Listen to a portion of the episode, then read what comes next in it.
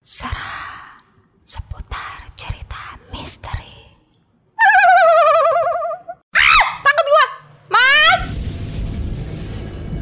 Apa kabar Anda Tolan? Kembali lagi di podcast Seram seputar cerita misteri. Podcast orang-orang yang punya nyali. Kembali lagi bersama saya Paris Ditemani oleh Bang Andri Bagong Dan teman saya yang terakhir Bang Virus Hari ini kami akan membahas tentang Sandekala. Nah Anda Tolan pasti tahu Sandekala itu sangat memorial banget di masa-masa kita waktu kecil ya. Sandekala itu kita tuh nggak boleh keluar setelah maghrib. Nah, di Sandekala itu biasanya orang-orang tua itu berbicara kalau Sandekala itu tidak boleh keluar habis maghrib karena katanya waktu-waktu itu pergantian zona waktu buat bangsa-bangsa jin katanya bang.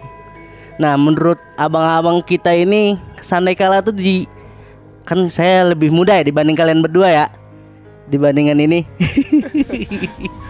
menurut Bang Andri Bagong gimana tuh Sandekala tuh? Pas zaman zamannya abang waktu SD lah ya. Ya, eh kalau kita ngomongin Sandekala kan lebih ke mistis ya ceritanya gitu ya. Eh, Apa ya mistis, mistik, mistis, Isti. mistis. Jadi kayak mitos lah, mitos, Mitos, gitu kan, ya. mitos di di kalangan orang tua terhadap anak, Iya. gitu kan. Eh, jadi kalau kalau penga- pengalaman sih ada beberapa pengalaman yang intu gitu, yang langsung kayak sebelum maghrib tuh kita disuruh masuk rumah. Nah, iya betul. Saya juga ngalamin soalnya. Gue tuh pernah di satu waktu tuh waktu kecil ya sekitar umur lima tahunan deh kalau nggak salah. Pokoknya gue setahun setelahnya tuh SD gitu. SD gue SD tuh kelas 6 Eh kayak umur 6 tahun kelas 6 Jadi gue cuci kaki di samping rumah Mm-mm. Itu keadaan udah maghrib Emang udah udah udah udah gelap Ya. Di belakang rumah gua tuh eh, Ini kebun ruyuk Kalau Oh, bahasa iya. kita tuh ruyuk ya Ruyuk bahasa- ya. bahasa Berarti orang Sunda gelap tuh. lah ya kalau habis Iya, maghrib tuh pasti gelap. Pohon bambu, kebun-pohon bambu. Yang ada gitu. penerangan gitu Iya. kan kalau zaman zamannya waktu itu kan. Dan ada ada beberapa makam tua gitu, cuma Hmm. bukan keramat, makam tua, entah makam siapa sampai sekarang juga gue nggak tahu tuh. Jadi ada sesosok kayak kayak kayak makhluk gitu kayak kalau sekarang sih gue tahu itu kayak genderuwo lah. Oh, genderuwo. Iya karena kotor gitu, eh, mukanya rusak gitu, Ya. kayak daging mentah gitu tuh. Waduh. Gue inget tuh, inget inget eh, Itu umur berapa tuh, Bang? sekitar lima tahunan kalau nggak salah. Sekitar Soalnya tahun. setelahnya gue satu tahun itu gue SD dan gue pindah ke seberang Eh, seberang. seberang jalan gitu dari yang lokasi semula Hmm. gitu. Kalau ingat itu sih lumayan lumayan takut juga gitu kan. Ah, mungkin kalau menurut gua ya lu tuh ketakutan doang kayaknya, Bang.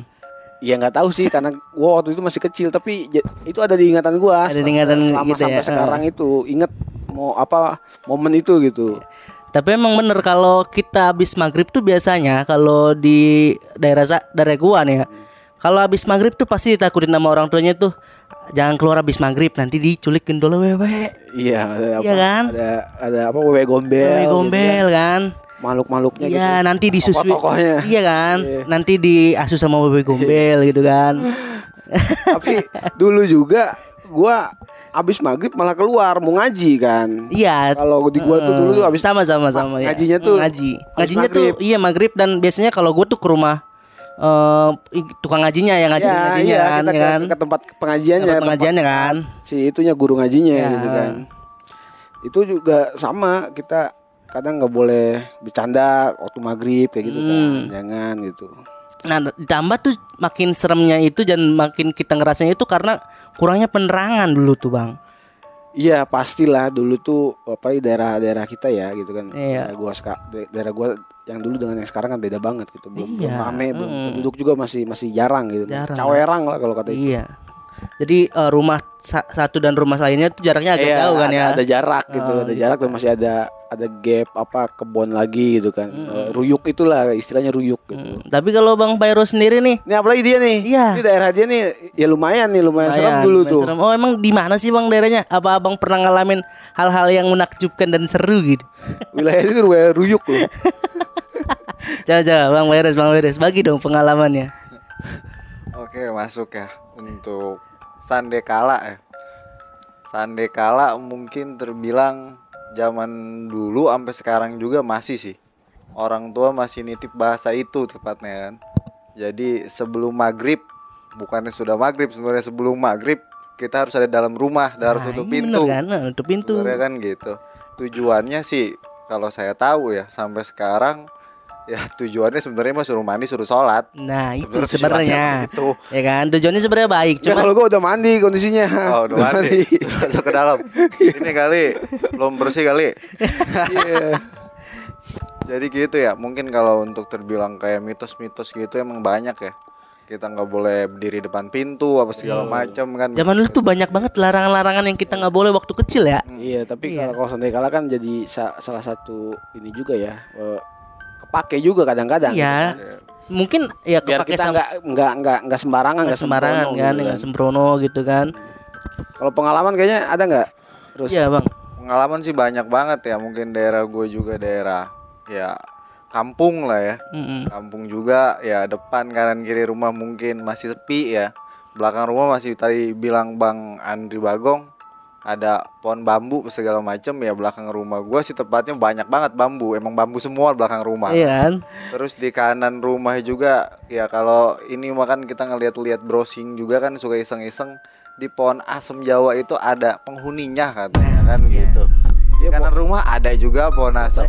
Banyak mitos-mitos yang kita di, diberitahu oleh ibu kita, Hmm. Tapi kita nggak pernah lihat juga sebenarnya. Cuman terkadang ada ya biasa lah ya kayak gitu mah ya. Iya, betul. Halusinasi sebenarnya. Cuma Ya. gua gua juga sendiri pernah ngalamin, Bang. Jadi dulu tuh pas gua umur ini udah agak gedean ya. Gua udah SD sebenarnya. Umur 10 tahun tuh gua tuh hobi banget yang namanya main PS. ya. pas gua main PS tuh gua kadang suka lupa waktu dari dari siang sampai sore gitu kadang lupa mandi lupa makan gitu kan pernah kejadian itu satu sore gua main PS PS apa lah itu ya game apa. Gua main sampai jam setengah enam sampai jam 6 nah gua biasanya kalau jam segitu kan gua gua disuruh mandi sama makan sama sholat gitu kan suruh ke masjid. Nah waktu itu nggak tahu kenapa gua nggak mau banget turun ke bawah. Jadi gua kamarnya di lantai dua gitu kan. Lantai dua Nah itu disuruh sholat, mandi, makan karena udah sore juga. Nah pas gua dipanggil sama mama ibu gua pertama kali gua nggak mau turun. Nah tapi yang kedua kali sama bapak gua udah gua nyerah. Nah jadi posisi kamar gua tuh gua ngadep ke depan TV. Nah belakang gua tuh kaca, kaca. Nah itu kalau ini harus diordenin ke biar nggak kelihatan. Nah di di sisi kanannya itu pintu. Otomatis kalau gua mau keluar dan turun ke bawah itu gua harus balik kanan dong. Nah pas gua itu tuh ya ini nggak tahu ya apa halusinasi atau gimana. Pas gua balik kanan itu tuh gua ngeliat kayak Ngeliat lu sendiri. Tuhan. pokoknya gua ngeliat orang yang wajahnya ya gitulah gitu ya. ya. pakai putih-putih gitu ketutup kepalanya sama tangannya ketutup gitu Pocong gitu kayak. kayak ih pakai matanya melototin gua wah itu gua sampai nggak mau tidur lagi dong di atas itu berapa bulan tuh pocong. Ya pastilah, serem juga pocong iya kalau mm, pocong. kan Kalau pocong sih emang serem. iya kan Serem. Asli serem. serem kan Serem. tapi bang Pairu sama bang Andri tuh pernah nggak sih gitu? Nggak sengaja gitu ngelihat yang sesosok sosok kayak gitu tuh? Kalau gua sih pribadi ngeliat sih mungkin. Ya gimana ya? Terbilang kayak nggak sengaja gitu apa bang. gimana gitu. Ah, kan Tapi kalau diketawain mah sering sampai sekarang juga sering diketawain. mungkin mukanya lucu gitu kan kita nggak tahu gitu Awak, kan pati lawak. Nggak tilawak. Kalau Dia ketawain ngajak sih. bercanda kayaknya dia ngajak bercanda tapi kitanya nggak mau bercanda. Iya gitu kan Kita lagi serius-serius kan ya Dibercandain kan aneh juga Mungkin karena Kan kalau kalau ya. diketawain tuh antara marah sama takut. Iya. Nah, ini memang menakutkan ketawanya. Jadi mungkin karena kanan kiri rumah gitu ya, depan rumah juga mungkin kuburan keluarga besar juga gitu kan. Di belakang rumah pohon bambu di kanan kiri juga ya kosong semua kebun-kebun gitu kan.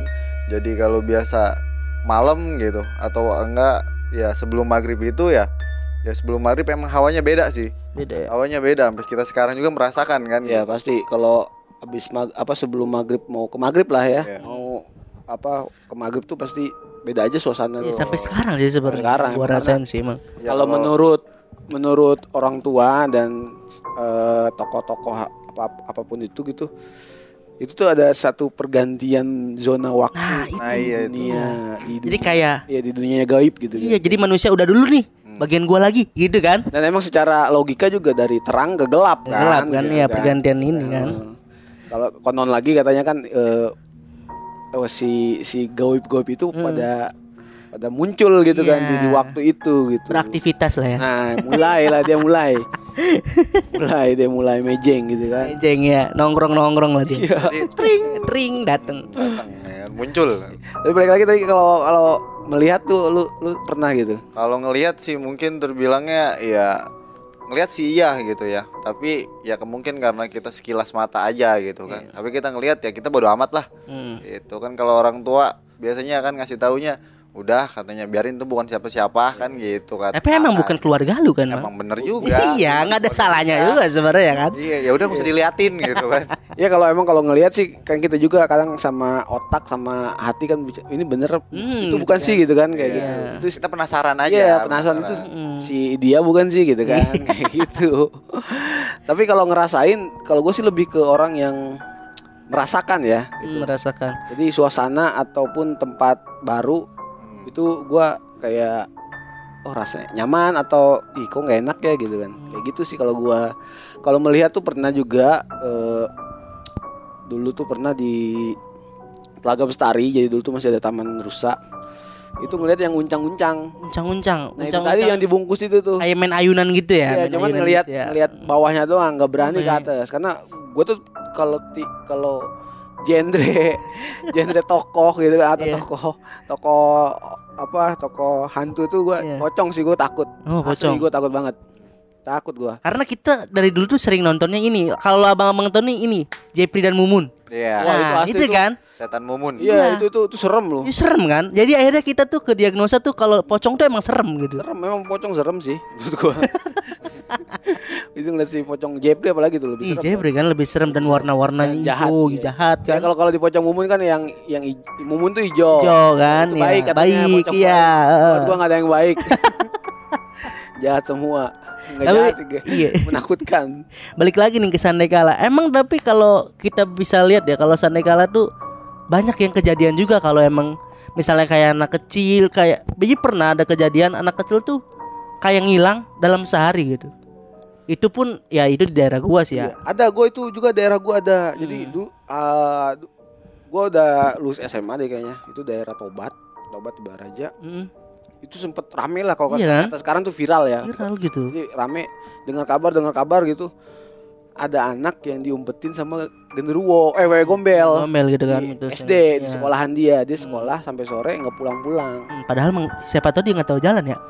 Di apa sampai dicek itu satu sa- seluruh kelas ruangan di sekolahan itu itu nggak ada. Diumpetin lah ya. Katanya diumpetin.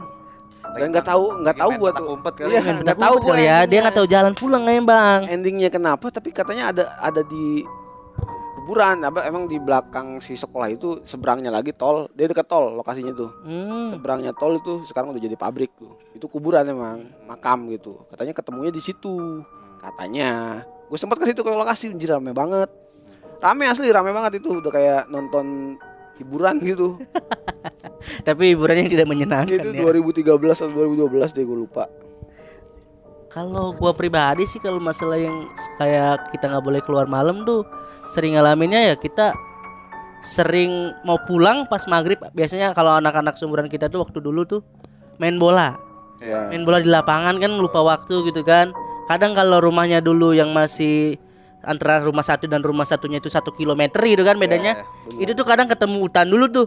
Nah biasanya di situ tuh yang agak-agak seremnya tuh ya. Walaupun nggak ada apa-apa sebenarnya gitu. Ruyuk. Kalau gue sih balik pulang dari dari abis ngaji ya. Ngelewatin ruyuk itu gitu kan pohon bambu. Itu ada pohon bambu yang apa sih namanya ya? Lendoy gitu tuh ke bawah ke gitu. bawah si daun-daun nah itu tiba-tiba ngangkat sendiri. ya kabur lah udah lari. Asli itu takut. Itu serem. Gue ingat itu. Pulang ngaji gue dulu tuh. Pulang ngaji. Coba kalau bang Pairus gimana nih? Pairus kayak banyak tapi nggak mau diceritain gitu loh. Enggak mungkin kalau cerita itu ya terbilangnya ya kita milikin gitu. Cuman kayaknya mau cerita banyak itu kita jadi takut sendiri juga karena kita ngalamin. karena kita pulang dari sini juga nih nanti pulang ke rumah ngelewatin jalur itu juga. Oh, karena gitu. pernah merasakan juga di situ. Mungkin kayak kan mau pulang ke rumah tuh ada jembatan ya adalah dekat kawasan gitu kan. Hmm. Dekat kawasan ada jembatan, sering tuh ada orang tiba-tiba ada yang kecebur sendiri gitu. Hmm. Kalau Gue juga pulang lewat situ. Ya, sering juga jebur sendiri gitu. Terus dengar mitos-mitos masyarakat kan katanya ada yang ada yang suka ngejagain di situ katanya nenek-nenek sama anak tapi kan itu nggak tahu juga ya. Hmm. Terus ya sama tadi kayak cerita Bang Andri ya. Kalau saya mah ya sampai sekarang gitu ngaji ke belakang rumah itu ya biasanya manakib lah ya. Ah, manakib ya. Manakib terus di belakang rumah biasanya kan kalau dulu kan masih jalan kaki ya susah juga kendaraan nggak ada kan. Kalau sekarang udah ada kendaraan kita ngelewatin kayaknya ya gimana sih rasanya masih sama gitu. Rasanya masih sama pohon bambu kayak gitu mungkin bilangnya mendoyot lah ya. Iya, pohon bambu mendoyot gitu bahasanya. Jadi tiba-tiba- kita lewat gitu dia tiba-tiba berdiri sendiri gitu. iya, iya, emang- Katanya lagi ada kuntil anak yang ayun-ayunan katanya. katanya gitu kan. Nah, ini yang gue mau bahas nih. Kuntil anak tuh kan banyak mitosnya kalau kita dengernya jauh. Dekat. berarti dekat. Iya. Iya, nah, Iya kan? tahu tuh setelah kejadian itu pas cerita-cerita berarti deket itu. Iya, kalau deket berarti dia jauh banget kan Nah, jaraknya. Itu jauh apa suara tuh jauh karena logika gue saat itu karena emang sawah ya, jadi menggema gitu kan, jauh kan, menggema gitu suaranya. Ya suara kuntilanak lah kayak gitu kan. Tapi kalau ngomong kuntilanak gue punya pengalaman nih. Pengalamannya itu bisa disebut lucu, tapi serem juga. Terus Apa tuh? oh yang lucu mau serem. Jadi gini nih. Jadi pas gua umur 12 lah, mau eh MTS lah gua berarti umur 13 14 tahun tuh. Iya. Masih kecil. Kakak gua tuh sering iseng nelponin nomor-nomor yang nggak jelas. Ya. Dia nelep akhirnya dia nelpon lah. nggak diangkat. Iya. Tapi dia telepon balik sama orangnya. Iya. Sama yang punya nomor itu. Ya. Nah, ini agak lucu kalau yang ini. Lucunya itu ngapain coba? Dia nyanyi. Si si si penelponnya itu. Iya, dia nyanyi apa? Lagu kangen band. 14 hari. Ma, gua mau ketawa tapi takut. Iya. Habis itu ditutup lah sama dia. Ya, telepon lagi. Enggak, akhirnya ada yang ngetok-ngetok kaca. Hai. Iya, dibuka nggak ada. Kakak gua marah-marah. Gua yang lagi main PES jadi takut. Iya. Kalau datang beneran gimana dong? Hmm. Gua ngapain? Gua nggak bisa ngapa-ngapain. Pas gini diketok dua kali, kakak gua nggak mau buka. Dia cuma ngomong gini, kalau lu mau berani sama gua liatin liatin ke gua. Ngeliatin dong. Diliatin tuh. Iya, nggak tahu gua lagi halu atau lagi fokus main PS Iya. atau gua emang bener lihat gitu ya. Itu kakak gua buka, kakak gua nggak teriak, gua yang teriak marah-marah ke kakak gua. itu wah sering banget gua kalau dari waktu kecil tuh kejadian kayak gitu. Yang paling aneh tuh gua tuh pas ngalamin pagi-pagi bangun pagi-pagi mau ke Cibubur. Ke Cibubur pas gua sama keluarga nih. Jadi kakak gua yang kakak gua ada dua. Nah kakak gua yang kedua itu sering banget telat bangun.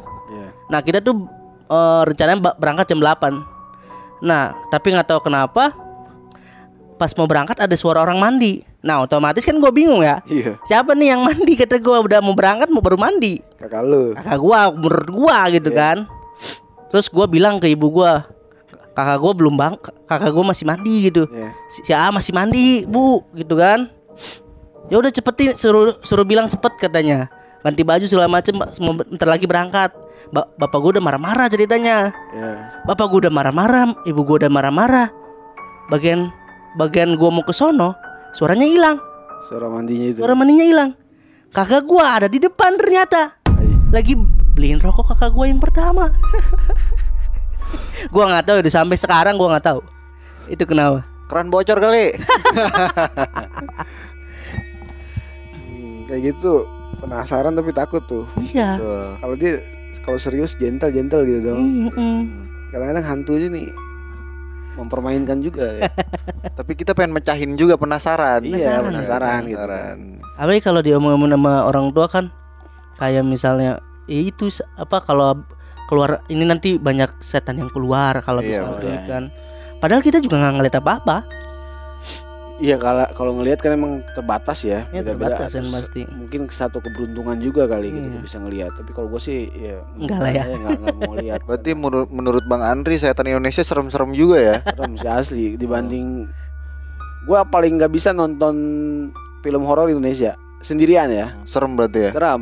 Hmm. Karena mungkin uh, karena apa uh, kita orang Indonesia dan filmnya Indonesia. Mungkin karena ya. emang yang diangkat-angkat oleh film ini tuh ya Yang- mitos-mitos ya, yang ada di mitos-mitos- mitos-mitos masyarakat, kita, kan. kayak. Sandekala Iya. kan itu kan. kalau melihat film zombie, vampir atau apa gitu gue masih berani sendirian juga gitu kan.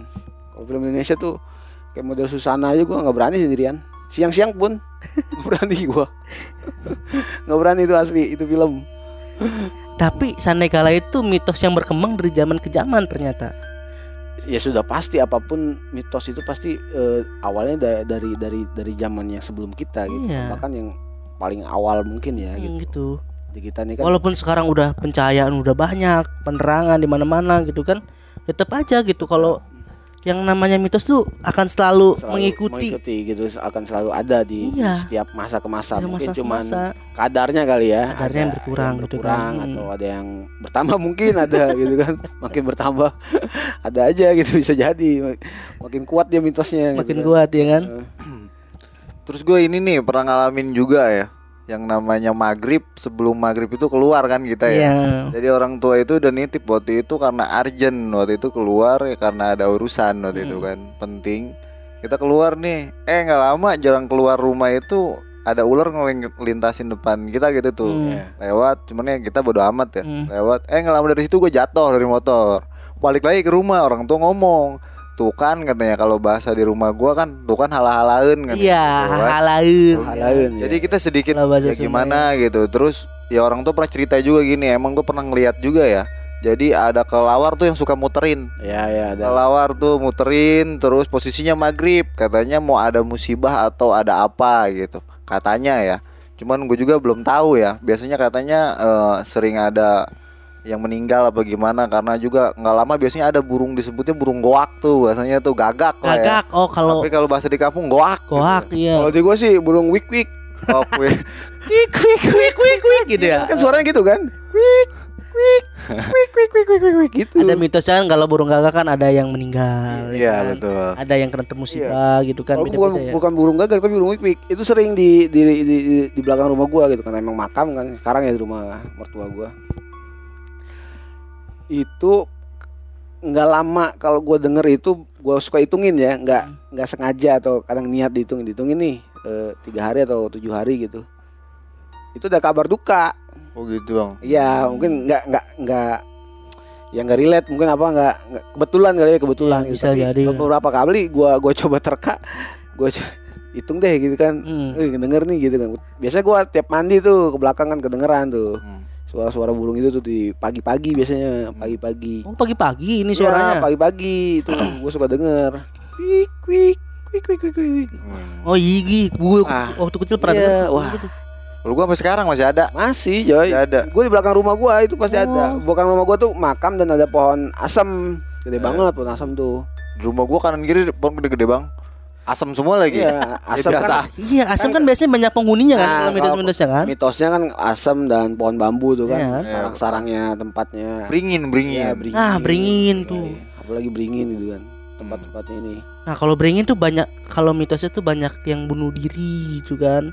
Dan Gantung-gantung. ya. gantung-gantung gitu kan. Karena mungkin gantung pohonnya diri. kokoh kali ya Kokoh jadi Iya. gantung-gantung. iya gitu kan. gantung gantungnya Kan dia ada tali-tali suka jatuh Iya, itu. tali-tali suka Jadi itu jatuh. Ah, jadiinnya. iya. Iya. jadiin talinya itu Tapi identik gak sih pohon beringin tuh sama Partai. jangan keluar habis maghrib tuh? Bukan enggak juga. Maksudnya Enggak juga. setiap kita keluar habis maghrib tuh ngelihat pohon beringin tuh kayak waduh gitu. Apa keluar dari sini gitu ya? tapi emang bukan ngaruh atau apa ya tapi mempengaruhi mental ya Iya. maghrib ngelihat pohon beringin atau atau Kita lewat gitu mau pulang pohon- gitu pohon kan. bambu itu kan Iya. lumayan Iya, jadi kena mental gitu kita mikirnya wah gimana ya gitu. Gua kadang suka lari gua kalau mau pulang. kalau sekarang sih gue masih masih cuman ada nggak sih gitu kan gitu, gitu doang kalau takut sih udah nggak nggak ada rasa takut sih insya Allah ya Ada nggak sih pengen ngeliat? Iya, gitu Pengen- doang. Ada kita takut. ngeri ngeri gimana gitu gitu doang gitu Ya main ke rumah hantu juga kan biasanya gitu kan. Ih takut takut awal bagian udah masuk dalam, tapi hantunya lucu gitu. kan? Nah suaranya serem tapi ya. kayak rumah rumahan hantu kan ada tuh dulu tuh kalau mau lebaran iya. atau apa kan suka rumah hantu Ini pameran, pameran. iya pameran itu Pameran. itu kadang serem juga coy Iya, serem juga itu itu. kadang serem kayak Suaranya sih sebenarnya yang bikin Iya, serem tuh. itu pengalaman teman gua katanya jadi cerita dia pernah ke rumah hantu di, di pameran gitu Hmm. ada, ada pameran di lapangan daerah gua dia masuk rumah hantu dia masuk itu hantu serem-serem katanya Hmm. Hmm.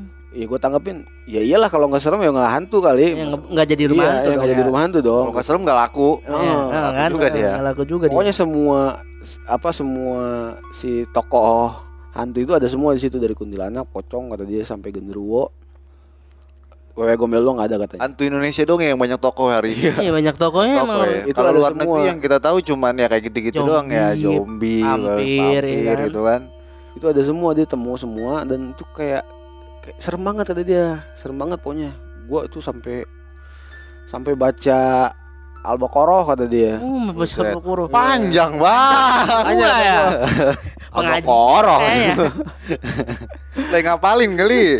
gitu nggak taunya kata kata dia pas dia selesai kan di pintu situ ya itu kru-kru yang jadi hantunya itu masih siap-siap ternyata Oh, jadi dia masuk Nah. sebelum krunya ada di dalam. dan dan yang Waduh. yang relate maksudnya yang kita bahas ini itu ke- kejadian kata dia dia datang ke situ tuh setelah maghrib Setelah maghrib emang kan zaman bocah tuh gua tuh kalau ada hiburan atau ada apa di di, di kampung tuh ya, da- daerah ya. Iya abis maghrib tuh udah pasti tuh Heeh. udah pada standby atau Biar- janjian di mana langsung berangkat. Nah dia tuh abis maghrib banget dia mah kata Oh, dia. berarti orang mah masih pada sholat. Nah makan. itu masih prepare kata dia Ya, si dia masuk rumah hantu. Oh, ada yang masih dandan jadi jadi kuntilanak, yang jadi pocong masih pakai dipakein Ya, apa kayak baju. rias-riasan lah gitu. Iya dia di situ udah mau nangis tapi malu gitu kan. Iya. Laki teman gua, Hmm, Laki. laki. Kalau selera ya. iya Ya, kalau selera. Seleranya maghrib-maghrib keluar. Setelah ya. maghrib keluar.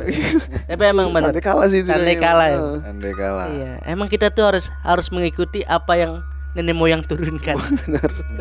Karena jadi jadi satu apa ya buat kita juga pembatas lah. ya himbauan lah. Iya Pak. himbauan jadi buat ngapa-ngapain tuh kita agak-agak gimana kan harusnya Iya kan. gitu. Jadi ada ada satu nggak bisa kita sembrono gitu kan. Iya, akhirnya Mau memasuki tempat atau melakukan sesuatu biasanya kan gitu kan mitos tuh. tapi akhirnya Sandegala emang jadi untuk masyarakat Indonesia ya, jadi buat untuk himbauan semuanya sih. Semuanya. Jadi kita tuh habis maghrib tuh emang stop dulu gitu, Iya, melakukan semua aktivitas itu. Istirahat dulu, sholat dulu, Iya. makan dulu kan bagi yang muslim kan. Hmm. Kalau santai kali kan nggak sebenarnya nggak nggak cuma di ketika waktu maghrib ya. Hmm, Contoh kayak mau nikah, menikah gitu. sunatan, Iya gitu bener. kan. Ih, Mau ada acara, Acara. gitu, ada ada niatan pribadi gitu. kalau habis nikah, kalau nikah tuh biasanya gini bang, Sandegalanya, jangan sering keluar jauh-jauh. Kata siapa? Kata emak gua. Oh, kan lu belum nikah soalnya. Enggak maksudnya gua kalau diomongin kayak gitu gitu kan. Jangan Iya. sering keluar jauh-jauh. Itu pas gua gua mau, Santai kalah mau gitu nikah kan. tuh banyak tuh, weh jangan weh jangan gitu, lu jangan gini, jangan gini, jangan gini katanya. Tapi ya jangan dicontoh ya, ya gua biasa aja gitu. Langgar-langgar juga ya. Iya, gua teng- gua deng- gua dengerin tapi nggak nggak gua laksanain gitu doang. Masuk kuping kanan keluar kuping kiri Iya, ya, Ah, gitu iya, aja udah. sih, Mas. Dan beruntungnya gitu kan alhamdulillah tidak tidak Tidak terjadi apa-apa gitu ya. kan. Mm. Tapi Alhamdulillahnya ya, begitu. ya, Harus waspada mungkin karena gua ngedenger itu jadi agak waspada mungkin ya. Hmm. Jadi bisa bisa waspada. Tapi kayak ini, kayak gua tuh dulu pas ujian nasional ya, ujian nasional SMA tuh gue juga sering dikasih tahu sama keluarga gua jangan sering kelayapan malam-malam gitu. Padahal itu himbauan yang bagus sebenarnya. Bisa- Biar kita belajar, tapi emang banyak kejadian yang bikin gua akhirnya ngeri juga gitu kalau kalau kita ujian tuh mending di rumah aja deh. Dan dulu tuh pernah di kelas gua maksa futsal terus-terusan padahal mau ujian dia meninggal di tempat. Di tempat ujian. Tempat ujian. Oh, di tempat tempat futsal. Kan gue tempat ujian, bingung juga gua nih. Enggak dia di dia kayak ka, ini apa serangan jantung di tempat. Hmm. Karena keporsir kali main futsal terus. Iya, udah dibilangin kalau emang itu mau ujian besoknya. Oh. Jadi dia main futsal tetap Dan jalan. futsal gitu. Udah edik kali dia. Iya, mm. Dia pengen jadi Cristiano Ronaldo enggak gitu. Apa Messi gitu? Iya. Apa Neymar? Kan latihan keras biar biar bisa Iya. jadi pemain biar bintang. jadi kuat. Iya. Dia nendangin kelapa kali. Kalau enggak bola hitam biar kayak Yuga. biar bisa nembak air. Kalau santai kalah ya, ya bener sih emang macam-macam sih ya versi versi dan penafsiran gitu. Dan itu jadi ngedistract kita gitu kan sampai sekarang. Jadi agar banyak waspada aja gitu. Iya lebih ya. ke situ sih sekarang sih gua oh ya jadi satu himbauan aja lah Iya. gitu himbauan gitu kan. Tapi kita nggak mengidahkan. nah meng- apa tidak mempercayai penuh gitu meyakini banget gitu Iya, kan ya kita meyakini. segala sesuatu itu kan hanya hanya atas kehendaknya Iya. yang maha kuasa gitu kan. Hmm. Kalau itu kan eh, sebagai wejangan lah gitu kan himbauan. Gitu. Tapi kalau kalau mimpi kalian pernah nggak mimpi mimpi mimpi ketemu hantu gitu atau setan lah gitu. kalau gua mimpi enggak ya Hmm. cuman gua pernah kayak diliatin pas gua tidur sore-sore oh di, rep-rep gitu ya gitu. Iya. Orap. Nah itu kan sandai kala juga kan. Ya, kalau gue gue pernah, gue juga pernah kalau tidur Mm-mm. kayak ada yang nindihin gitu ya, nggak bisa. Ketindihan, Ya, ketindihan. jadi ketindihan ya. Mm. Apa sih erup-erup lah kalau bahasa itu tuh. Gue tuh waktu itu di, di Kobong tidur setelah iya setelah maghrib, Iya habis sholat kan? maghrib, wiridan sebentar, tidur emang capek kondisi, Mm. capek itu. Itu nggak tahu nggak tahu nyata nggak tahu apa tapi gue ngerasain sih itu Kayak kan ngap gitu loh ngap kan? anjir kayak ngap asli kita Buka kita iya, susah gitu kita kan. keadaan sadar Mm. tapi badan tidur mata merem dan napas terengah-engah Nah itu kayak capek banget Nah. kan. nah itu didengar sama guru gua sampai manggil-manggil Mm. pas gua ngedenger guru gua nyaut jauh gitu suaranya Nah, baru bisa melek gitu Ih, jad- guru gua bil- ngeyain ya lu kenapa? Katanya kok napasnya tersendak-sendak gitu. Hmm. pas itu makanya dipanggil-panggil gitu dari jarak majelis sama ke kobong gua itu kan deket gitu kan Mang Andri, Mang Andri, kenapa? Gitu kan. Nah, gue ngedenger tuh pas gua ngedenger sadar maksudnya bisa gitu. Mm. itu pernah kejadian gua. Asli gue baru inget ya bener. Kalau gue masih sih masih masih 2016an lah gua 17 Kalau gue mimpi itu mungkin terbilang kalau hantu itu jarang ya Tapi kalau misalkan nemuin kayak jurang Hmm. Jadi jurang kita Oh, ngeliatin iya, jurang iya. tuh tiba-tiba kita bangun sendiri Kayak kayak nyata kaget, kaget lah. Kaget, iya, iya, iya. Ah, bener. Iya, Kalau kaget. gue itu tuh sering kali itu tuh kayak jatuh atau apa gitu Iya. lalu bangun eh anjir tadi ngapain Ini ya kayak nyata Ini terus kayak lagi. iya kayak capek kita malah capek bener. Kalau jatuh ke jurang kitanya kaget bangun Iya, kan. Iya. bangun. benar-benar itu benar gitu. Mimpi yang kocak tapi mungkin semua orang ya Pernah ngalamin lah. Pernah ngalamin. Mungkin kalau gue gitu kan. kalau gue sih bukan Juga. jurang lah kayak kayak semacam jatuh ya jatuh. Iya. kita udah jatuh ngeplay gitu Hmm, ih kok bangun itu capek lu itu capek asli Iya emang. perasaannya capek lu kayak pas lihat jam anjir baru jam segini itu nggak bisa tidur lagi pasti nggak bisa tidur lagi tuh Iya, karena takut. Karena takut takut, jatuh iya. gitu lagi. Oh, iya. Gitu. pertama kita juga takut lagi ngimpi lagi gitu kan Dan matanya juga nggak ngantuk akhirnya. nah matanya nggak ngantuk itu tuh kayak habis olahraga gitu kalau gitu. itu pernah itu padahal baru tidur perasaan tuh lama kan tidur Heeh. tiba-tiba ngimpi yang kayak gitu tuh ngimpi jatuh lah atau Iya. pokoknya keadaan kayak gitu tuh ada yang nahan gitu kan Iya. Hmm, bangun cir ngapain tadi ya ya suwe gitu Suwe, kan. ya. perasaan gitu. perasaan nyata itu kan perasaan nyata bener Mungkin kalau kata orang tuh gini kali, lu tidurnya kagak doa dulu, Bang. iya kagak baca Kagak doa dulu. Kagak doa dulu. kagak cuci kaki Kagak cuci katanya kaki. kan. Biasanya kan kalau kita capek nih pulang gitu, pulang kan capek itu lupa biasanya. Nah, emang kadang langsung blek ke kasur gitu. makanya gitu kan. kalau kalau pasti lah setiap orang tua pasti kalau di keluarga lu kalian pasti bilang ya kalau habis dari luar rumah masuk ke rumah itu kan harus cuci kaki Iya, cuci benar. muka, cuci tangan kalau bisa berwudu kan Iya. emang itu bener sih ya mungkin kita bisa ngambil ininya dari Sandekala tuh emang Sandekala tuh sebenarnya himbauan bagi kita gitu kan himbauan bagi kita agar kita tuh gak sembarangan dan sembrono gitu untuk eh, ke depannya melakukan aktivitas atau hal apa pun gitu kan Hmm. pasti omongan-omongan orang-orang tua itu pasti ada manfaatnya buat kita gitu kan Betul. Ya mungkin segitu saja eh, podcast seram hari ini. See you on the top